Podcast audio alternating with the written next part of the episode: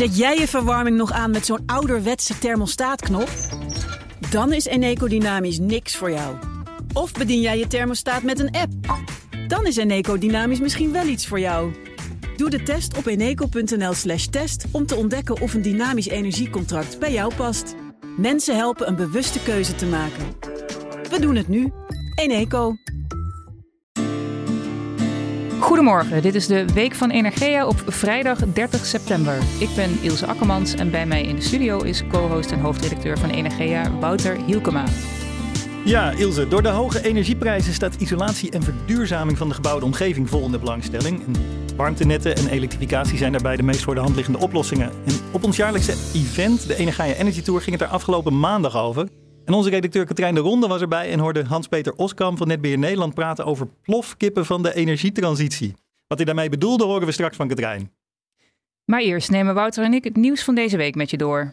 Woningen moeten van het gas af, maar het bedrijf One Dias investeert samen met Energiebeheer Nederland en het Britse Hansa Hydrocarbons ruim 500 miljoen euro in de ontwikkeling van een gasveld in zee boven Schiermonnikoog.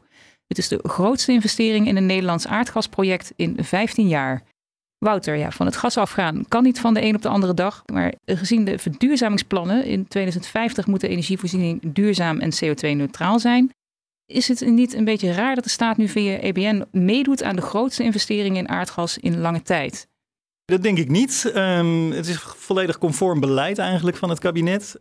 We zitten natuurlijk in een enorme energiecrisis. Uh, uh, we zijn on ongelooflijk druk bezig om, om het Russische gas uit te faseren. En uh, een van de onderdelen daarvan is dat de kleine velden, zoals dat genoemd wordt, onder meer in de Noordzee, uh, ja, alles wat die kunnen doen, dat is, uh, dat is heel erg welkom. Dus dat deze investering nu gedaan wordt, um, ja, ik denk dat, dat, dat het Nederlands kabinet daar heel tevreden over is. En specifiek gaat het om project N05A. De bedrijven verwachten met dit project tussen de 5 en 13 miljard kubieke meter gas op te kunnen pompen. Hoeveel is dat eigenlijk? Ja, dat is, op zich is dat een, een, een behoorlijke hoeveelheid. De, de laatste schattingen van uh, hoeveel gas er nog in de Noordzee gewonnen kan worden in totaal uh, is iets tegen de 80 miljard. Dat was afgelopen augustus kwam daar het meest recente cijfer over naar buiten. Iets van 80 miljard wat nog gewonnen kan worden. Mm -hmm. Ja, dan is. Ik, ik, ik, weet eerlijk gezegd niet of die 5 à 13 miljard daar onderdeel van is. Maar uh, hoe dan ook is 5 à 13 miljard. Dat is, dat is een, een, een substantiële hoeveelheid als je daar tegen afzet. Mm -hmm. uh, als je kijkt naar wat Nederland op jaarbasis gebruikt. Dat is ergens tussen de 30 en 40 miljard kuub. Um, ja, is het ook wel, wel, wel uh, substantieel. Maar je moet wel bedenken, die, die, die hoeveelheid gas die wordt niet in één jaar gewonnen of zo. Dat is uh, over de hele productieduur is dit wat ze denken eruit te kunnen winnen. Mm -hmm. uh, aan het begin van de productie is dat wat meer, dat, langzaam wordt dat wat minder. Maar um, ja, al met al significant hoeveelheid. Daar is nog even leuk om bij aan te tekenen. Um, dit project is onderdeel van het Gemsgebied, dus dat is een mm -hmm. groter gebied. En in totaal is het misschien wel mogelijk om daar 50 miljard kuub gas uit de grond te halen. En uh, ja, het consortium onder leiding van One Dias uh, gaat, binnen, of gaat de komende jaren nog, uh, nog extra boringen doen om aan te tonen hoeveel daar precies nog winbaar is. Oké, okay, en waar is dit gas voor bedoeld? Um, het is hoogkalorisch gas, zoals mm. dat heet. Uh, dus dat is voor gebruik in de industrie. Oké. Okay. De gemeente Schiermonnikoog staakte afgelopen zomer haar verzet tegen de gaswinning. Maar bij de rechtbank in Den Haag zijn zes beroepen aangetekend tegen de plannen, begrijp ik. Kunnen die de gasboringen nog voorkomen? Ja, in theorie wel.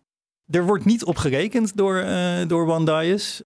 Maar um, ja, het, het zal niet voor het eerst zijn dat een bedrijf dat niet rekent op een uh, juridische streep uh, toch uh, deksel op de neus krijgt. Mm -hmm. Maar um, um, nee, op zich, de vergunningen zijn rond, het investeringsbesluit is genomen. Dus ehm, het is heel waarschijnlijk dat dit doorgaat. Maar ja, de rechtsgang zal toch zijn beloop moeten krijgen. Um, interessant is dat ook in Duitsland uh, het vergunningentraject nog niet helemaal rond is. Um, nou, wat heeft Duitsland er dan mee te maken? Dit productieplatform uh, is volledig elektrisch mm -hmm. en is bezig met het leggen van een kabel, of die ligt er al, uh, naar het Duitse windpark Rivkat. Mm -hmm. En daar betrekt het al zijn elektriciteit van om de productie op dit productieplatform uh, te verzorgen. Nou, dat is op zich uh, vrij innovatief en, en in het kader van duurzaamheid ook, ook een goede ontwikkeling. Mm -hmm. Maar dat vergunningentraject is dus, is dus nog niet helemaal klaar en dat zal dus ook nog even afgewacht moeten worden.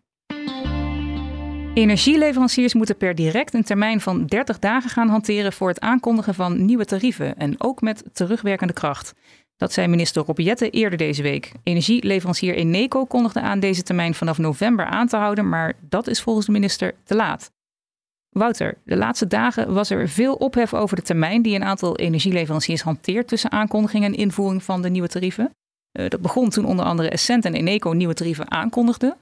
Wat ging daar mis? Nou, daar ging heel veel mis als ik uh, alle ophef mag geloven. Maar het leuke is, um, inmiddels staat Katrijn uh, de ronde bij ons in de, in de studio. Welkom Katrijn. Goedemorgen. En uh, als je het niet erg vindt, wil ik deze vraag even naar jou doorpassen. Want jij bent onze redacteur gebouwde omgeving en uh, retail. Dus jij volgt de energieleveranciers en alles wat hier gebeurt op de voet. Nou ja, Ilse vroeg al, wat ging er mis? Essent, Eneco en Green Choice, meen ik, kondigden vorige week nieuwe tarieven aan. Per 1 oktober. En dan zit er dus een dag of tien tussen de aankondiging en de invoering. Daar ontstond heel veel ophef over, omdat uh, eerder in een uitspraak van de geschillencommissie is gezegd dat er 30 dagen tussen moet zitten. Mm -hmm. En ook in de elektriciteitsrichtlijn van de EU staat dat er een maand moet zitten tussen een aankondiging van een wijziging in een contract, waaronder dus bijvoorbeeld een tariefwijziging mm -hmm. en de invoering daarvan. De, die elektriciteitsrichtlijn is overigens nog niet uh, ingevoerd in, of geïmplementeerd in Nederlandse wetgeving. Mm -hmm. De redenering daarachter is dat de termijn tussen aankondiging en invoering net zo lang moet zijn als de opzegtermijn van de klant. Zodat de klant op het moment dat hij het niet eens is met de tariefwijziging ook daadwerkelijk weg kan. En niet opgezadeld wordt met die nieuwe tarieven. Mm -hmm. De energiebedrijven zeggen van ja, in onze algemene voorwaarden staat, hebben wij gezegd dat het tien dagen mag zijn. Daar hebben mensen voor getekend. Dus wij hebben gewoon ons aan de regels gehouden. Ja, minister Jette uh, wees naar de autoriteit Consument en Markt, hè, want die moet gaan handhaven. Wat, wat doet de ACM hiermee? De ACM is meteen op vrijdag naar buiten gekomen met, de, uh, met het bericht of de, de, ja, de norm dat het 30 dagen moet zijn en dat de mm -hmm. energiebedrijven zich daaraan moeten houden. Mm -hmm. um, de ACM mag handhaven, die kan sancties opleggen, zoals een last onder dwangsom, als een uh, energieleverancier zich niet houdt aan, uh, aan de regel. Mm -hmm. Maar minister Rob Jette zei tijdens het vraaguur afgelopen dinsdag dat de ACM in eerste instantie nu indringende gesprekken voert met de energieleveranciers omdat de toezichthouder denkt op die manier snelle resultaten boeken dan als ze uh, sanctiemiddelen in gaan zetten. Uh, Rob Jetten noemde toen als resultaat dat Eneco al heeft aangekondigd om uh, vanaf 1 november wel 30 dagen te gaan handhaven. Mm -hmm. Maar dat is te laat en dat zou eigenlijk met terugwerkende kracht moeten. Dreigen er boetes? Ja, absoluut. Als de energieleveranciers zich hier niet aan houden, dan heeft zowel uh, Rob Jette als de ACM gezegd dat uh, boetes, uh, nou ik weet niet of het boetes zijn, een last onder dwangsom is, dacht ik officieel geen boete, maar dat er sancties kunnen volgen. Ja, en de ontwikkelingen volgen elkaar de laatste dagen snel op. Wat is nu het laatste nieuws? Dan hebben we het over donderdag, want we nemen het op donderdag op, deze podcast. Ja, branchevereniging Energie Nederland is naar buiten gekomen met een persbericht waarin zij zeggen dat um, zij verbaasd zijn over de uitspraken van de ACM uh, en dat zij als branchevereniging achter de energiebedrijven staan. Mm -hmm. En um, Tweede Kamerleden Silvio Erkens van de VVD en Renske Leijten van de SP hebben een hoorzitting aangevraagd met Eneco, Green Choice en Essent om de bedrijven te bevragen mm -hmm. over uh, hun beslissingen. Mm -hmm. Uh, en daar is voldoende steun voor, dus die hoorzitting komt er. Dankjewel, Katrijn. Dan, last but not least, de sabotage, want daarover zijn alle landen het wel eens, van de gaspijpleidingen Nord Stream 1 en 2 op de bodem van de Oostzee, met grote schade en gaslekkages als gevolg. Duitse veiligheidsdiensten vrezen dat beide buizen van de Nord Stream 1 voor altijd onbruikbaar worden, meldde het Duitse dagblad Tagesspiegel. Wouter, ja, begrijpelijkerwijs veel berichtgeving hierover deze week. Wat weten we momenteel over de oorzaak? Officieel niets. Dus dat is, dat is het enige correcte antwoord dat ik kan geven. Er wordt natuurlijk veel gespeculeerd. Um, er wordt naar Rusland gekeken. Hoewel niet helemaal duidelijk is wat voor baat Rusland zou hebben bij het uh, saboteren van de Nord Stream pijpleiding. Behalve dan dat je er Europa ontzettend dwars mee zit. Mm. Um, het, het, het slaat aan de andere kant hun ook wel weer een wapen uit handen. Want nu als die, als die pijpen stuk zijn, hebben ze geen controle meer over de gasflow naar Europa. Yeah. Um, en tot nu toe leek Rusland in elk geval de strategie te hebben om, om, om Europa een beetje te pesten. Dan weer wat wel uh, transporteren, dan weer wat verder afknijpen. Mm. Nou, er werd ook al gespeculeerd over wat als Rusland uh, de, de, de gasleveringen naar Europa weer vol openzet. Mm. Uh, dat zou ons ook in enorme problemen kunnen brengen. Nou, die mogelijkheid is nu in elk geval verdwenen. Nogmaals, officieel is dus onduidelijk wat, wat er aan de hand is. Ehm, Rusland uh, verwerpt ook elke beschuldiging, zegt dat het, uh, dat het voorspelbaar is dat zij de schuld krijgen, maar dat ze er niks mee te maken hebben. Mm. We weten het gewoon niet. De Europese Unie maakt zich ondertussen wel grote zorgen over, over de schade, want het is nu nog onwaarschijnlijker dat via deze pijpleidingen ooit nog gas naar Europa komt. Welke gevolgen kan dit dan hebben voor de Europese energievoorziening? Ook dat is moeilijk te zeggen. Kijk, de, de, de Nord Stream 1 en 2, uh, eh, die leverden nu al eigenlijk geen gas meer. Nord Stream 2 heeft nooit gas geleverd. Hè. Die, is, uh, die is afgebouwd, maar die is nooit in gebruik genomen. Mm -hmm. Omdat daar uh, allerlei juridische haken en ogen aan zaten. En uiteindelijk heeft de Duitse regering dat nog verhinderd.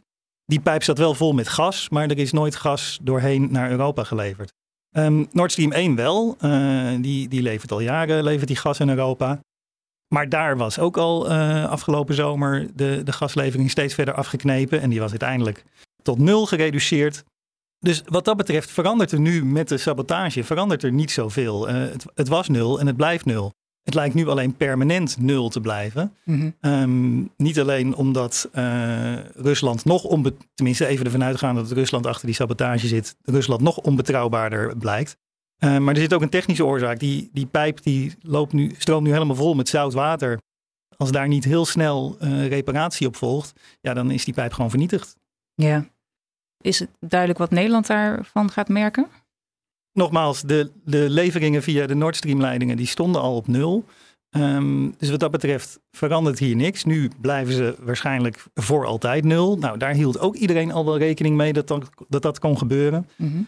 Um, maar wat wel heel erg relevant is, is dat dit nu heel duidelijk maakt hoe kwetsbaar onze energieinfrastructuur is. De ja. Nord Stream pijp is niet de enige pijp die, uh, die door zee loopt. Er zijn er heel veel. Mm -hmm. um, we zijn ook windparken aan het aansluiten met, uh, met elektriciteitskabels. Uh, we hebben internetkabels die bijvoorbeeld in Nederland aanlanden. Mm -hmm. Kabels belangrijk voor telecom. Um, ja, ineens realiseert iedereen zich dat die heel kwetsbaar zijn. Dat een een Russische onderzeeër, stel ik me voor, of een, of een James Bond-achtige duiker uh, daar uh, met, met wat explosieven heel veel schade kan aanrichten. En dat is wel een hele relevante ontdekking, zou ik bijna willen zeggen. Ja. Een realisatie waar, waar we echt wel wat mee moeten. Wat we eigenlijk wel wisten, maar waar niet bewust tot nu toe iets mee werd gedaan. Voor zover ik weet. Ik eh, heb natuurlijk geen idee wat veiligheidsdiensten en, en andere instanties uh, op overheidsniveau doen aan die kabels. Maar nu blijkt maar, maar eens te meer hoe kwetsbaar we daar zijn. Ja. ja. En ons kabinet heeft ondertussen de optie opengehouden om zes productielocaties van het Groninger gasveld per 1 april te sluiten. Uh, zodat de productie komend gasjaar omlaag kan tot de waakvlamstand. Dat schrijft staatssecretaris Velbrief maandag nog aan de Tweede Kamer. Um, zet de sabotage aan de Nord Stream pijpleidingen wellicht weer druk op het beschikbaar houden van het Groningenveld? Er was natuurlijk al voortdurend druk op de Nederlandse regering om, om, uh, om dat Groningenveld toch uh, open te houden vanuit uh, diverse Europese landen en, en misschien ook wel buiten Europa. Maar het kabinet is tot nu toe heel helder geweest, ook afgelopen maandag weer, waarin ze het gasbesluit hebben bekendgemaakt. Um, waarin inderdaad die waakvlamstand werd aangekondigd. Het Nederlandse kabinet zegt gewoon Groningen sluiten we. Mm. Dat, is, dat blijft hun stelling. Dat is de hele tijd uh, sinds Rutte 4 is dat uh, de houding geweest. En die blijft gewoon zo. Nou ja, uh, zet dit extra druk? Ja, vast wel. Maar het lijkt er niet op dat het kabinet onder die druk bezwijkt. Dank voor je toelichting, Wouter. Door de hoge energieprijzen is er extra veel belangstelling voor isolatie en verduurzaming van de gebouwde omgeving. Het kabinet wil onder meer elektrificeren, bijvoorbeeld via al dan niet hybride warmtepompen. Of dat, gezien de recente ontwikkelingen, nog altijd een goed idee is, daarover praten we deze week verder door met redacteur Katrijn de Ronde. Katrijn, jij was net als ik trouwens deze week bij de Energia Energy Tour, waar het ging over warmte en besparing. En daar werd ook gesproken over elektrificatie van de gebouwde omgeving, inderdaad. Wat kwam daaruit? Robert-Jan van Egmond van de TKI Urban Energy, die zei van we hebben mensen de hele tijd lopen vertellen dat ze moeten elektrificeren. En nu gaan ze elektrificeren, want ze kopen allemaal elektrische apparaten. En dat, is dat blijkt toch niet helemaal één op één zo de bedoeling te zijn. Want niet alle elektrische apparaten om te verwarmen zijn even efficiënt en even um, betaalbaar in het gebruik. Want waar doel je dan op? Uh, nou, je hebt warmtepompen, die werden al genoemd. Uh, hybride warmtepompen, dat zijn combinaties van gasketels met, um, uh, met dus een warmtepomp. Mm-hmm. Dus, en dan heb je ook nog, vertelde Frits Verhoef van Iconic, all-electric ready warmtepompen die verwarmen het huis. Dus de warmtepomp verwarmt het huis. Maar de gasketel doet nog het tapwater. Dus je haalt uh, eigenlijk het tapwater en de ruimteverwarming uit elkaar. Maar daarnaast heb je dus ook elektrische straalkachels en infraroodpanelen die vaak worden genoemd. met name die elektrische straalkachels. Daar waren de, de experts op de Energia Energy Tour het volmondig over eens. Mm. Doe dat niet, zei Robert-Jan van Egmond. Um, en Hans-Peter Ofskam noemde het uh, van Netbeheer Nederland, hij noemde het de plofkippen van de energietransitie. Ah, daar en, zijn ze. en hij zei, als we die net zo massaal gaan kopen als ze dat nu in Duitsland doen en gaan gebruiken, in Duitsland zijn er de afgelopen tijd volgens hem 650.000 verkocht, dan smelt het net. Ja, dat elektrische kachels energieslurpers zijn, dat, dat is niet nieuw. Het elektriciteitsnet heeft al te maken met overbelasting. Maar wat, wat gebeurt er dan als iedereen nu over zou gaan op een straalkachel? Eh, Hans-Peter Oskam eh, preciseerde het nog een beetje. Hij zei van als je nou tien mensen hebt in dezelfde straat die allemaal denken van nou, het is hier best wel koud. Ik schakel even mijn straalkachel in. Dan raakt het net overbelast en dan, dan klapt het eruit. Mhm. Datzelfde kan overigens ook gebeuren als iedereen op hetzelfde moment zijn warmtepomp inschakelt. Mm Frits Verhoef had daar een, een mooi voorbeeld over van een leverancier een fabrikant die alles een warmtepompen zo had ingesteld dat ze allemaal op maandagochtend om 10 uur tegelijk um, het water naar legionella uh, temperatuur, dat is een extra hoge temperatuur om... Uh, ja, iets van 60 graden of zo? Ja, 60 graden om uh, tegen legionella bescherming. Nee, voor legionella bescherming. Ja. Dus alle warmtepompen van dat merk gingen elke maandagochtend om tien uur gingen die allemaal aan in heel Nederland. Ja, en als je die dan allemaal tegelijk in, in, de, in dezelfde wijk zou hebben, dan zou dat voor het net in het wijk ook niet heel prettig zijn. Maar warmtepompen kun je uh, veel beter uh, regelen. Die kun je aansturen. Die hebben verschillende programma's. Mhm. Terwijl een, een straalkachel heeft gewoon een aan-uitknop. En iedereen denkt op hetzelfde moment van, oeh, toch wel koud.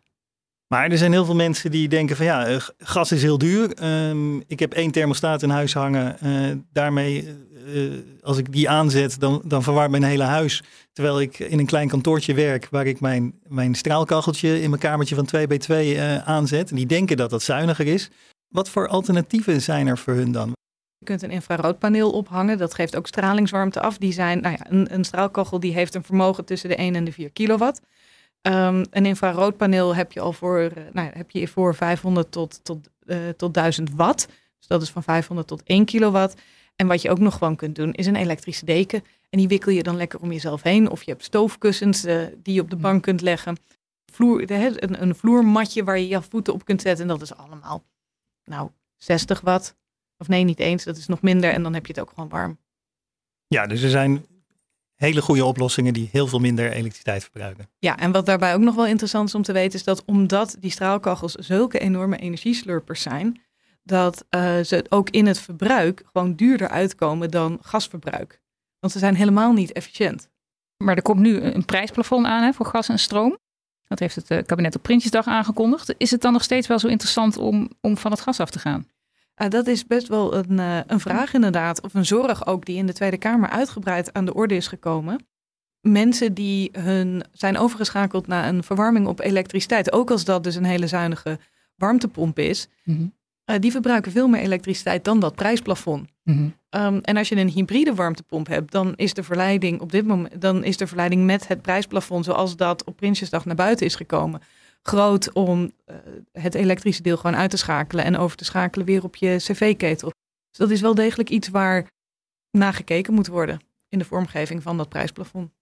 Voor het aardgas vrijmaken van, van, van, de, van de gebouwde omgeving, hè, via elektrificatie met een warmtepomp of eventueel een duurzaam warmtenet, um, begrijp ik dat het geschikt maken voor lage temperatuurverwarming heel belangrijk is. Afgelopen maandag werd dat LT-ready genoemd. Um, ik begrijp dat jij onderzoek in het kader van Warming Up uitgevoerd door onder meer Deltaris, uh, tot je hebt genomen, hebt gelezen, waar daar uh, dieper op ingegaan wordt. Wat staat er in het onderzoek? Het is een onderzoek van Deltaris samen met Veenstra en Leiderdorp Instruments. En die hebben gekeken naar um, hoeveel huizen er in Nederland klaar zijn om over te gaan op lage temperatuur. En, het, en uit dat onderzoek blijkt dat 60% van de huidige woningen zonder aanpassingen nu al geschikt zou zijn voor verwarming uh, met een temperatuur van 55 graden. En dat telt als lage temperatuur. En dat is veel meer dan tot nog toe gedacht. Tot nog toe is altijd gedacht dat, dat heel veel van die woningen eerst over moeten gaan op isolatie en, en voorbereid moeten worden en vloerverwarming en weet ik veel wat. Mhm. 60%, dat klinkt heel veel, maar is dat, is dat een specifiek soort huizen dan of zo? Of, of is dat over de hele breedte? Nou, het leuke aan dit onderzoek is inderdaad dat eruit kwam dat dat over de hele breedte geldt voor alle huizen. Dus het is niet zo dat van hè, als je huis vrij nieuw is, ze hebben de huizen in drie periodes ingedeeld. En het is niet zo van ja, als je huis van na 1991 is, dan zit je geramd, dan, dan kun je over op lage temperatuur. het, er was geen correlatie tussen woningtype of ehm, bouwperiode in of een huis al dan niet klaar was. Oké. Ja, dat blijft hoe dan ook een, een opgave om, om te verduurzamen. Want uiteindelijk willen we wel met z'n allen van het gas af. Maar dat heeft nog wat voeten in aarde. En een groot struikenblok blijft ook nog de krappe arbeidsmarkt. Ja, absoluut. De netbeheerders alleen al kijken tegen 15.000 vacatures aan. En dan hebben we het nog niet eens over de installateurs voor de warmtepompen of de zonnepanelen. Of bij de energiebedrijven die ook uh, alle apparatuur moeten aanhouden. Of de mensen die de warmtenetten moeten aanleggen. Techniek Nederland in, uh, in hun rapport uh, brachten deze week een rapport uit over de toekomst van de sector uh, Connect 2030. Daar hebben ze ook heel veel aandacht besteed aan het onderwerp um, arbeidsmarkt. Mm -hmm. En daar staat heel duidelijk in van we moeten ook heel erg naar het buitenland gaan kijken, want er zijn gewoon niet genoeg mensen in Nederland. maar ook naar technische innovaties om mensen mm -hmm. langer aan het werk te houden. beter plannen van de werkzaamheden, want het is nu vaak toch nog steeds dat er huis voor huis gekeken wordt van wat gaan we overal doen. En dat moet gewoon beter gedaan worden. Dat kan gebundeld worden. Dus er zijn allerlei plannen en er is heel veel aandacht ook voor opleidingen en sectoren. Maar hmm. desondanks blijft de arbeidsmarkt krapte. Dankjewel, Katrijn de Ronde. Maandag, en dan is het 3 oktober, gaat de Energia Energy Tour naar de Nieuwe Liefde in Amsterdam. Het onderwerp van gesprek is dan elektriciteit. Het streven naar energieonafhankelijkheid, versterkt door de gascrisis, vraagt om een grotere hernieuwbare elektriciteitsproductie. Maar hoe krijgen we dat voor elkaar en welke obstakels zijn er? Wees erbij aanstaande maandag. Dit was de Week van Energia met de laatste ontwikkelingen in de Nederlandse energiesector. Op energia.nl lees je meer. Fijn dat je luisterde, een fijne dag en over een week zijn we weer.